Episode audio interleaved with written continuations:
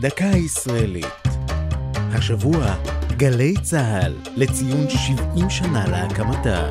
והפעם, ערב שירי משוררים.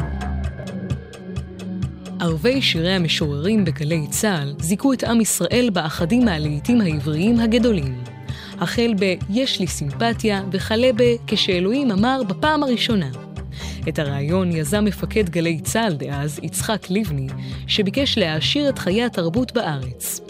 מול אינפלציה של מילים שטחיות, אמר לבני, צריך להציג את תכונותיה הנפלאות של שירה טובה.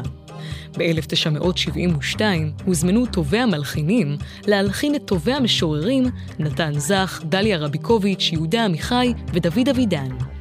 לא כל המשוררים נענו להצעה בקלות. נתן זך טען שחיבור הלחנים לשירים הוא המוני, אך לבסוף נאות להשתתף במיזם. בשנות ה-70 וה-80 נערכו עוד שני ערבי שירי משוררים, כשהם מנציחים תופעה מעניינת בתרבות העברית, שבה מלחיני המוזיקה הפופולרית מלחינים שירי משוררים ולא פזמונים. בשנה שעברה, לאחר כמעט 40 שנות הפסקה, הופק ערב שירי המשוררים הרביעי של גלי צה"ל בשיתוף בית אביחי, ובו הולחנו בין היתר שיריהם של עדי קיסר ואיית אבו שמס, לצד משוררים ותיקים כיונה וולך וחנוך לוין. זו הייתה דקה ישראלית על גלי צה"ל וערב שירי משוררים. כתבה עמליה נוימן, ייעוץ הפרופסור רפי מן, מפיקה אור זועי סולומוני.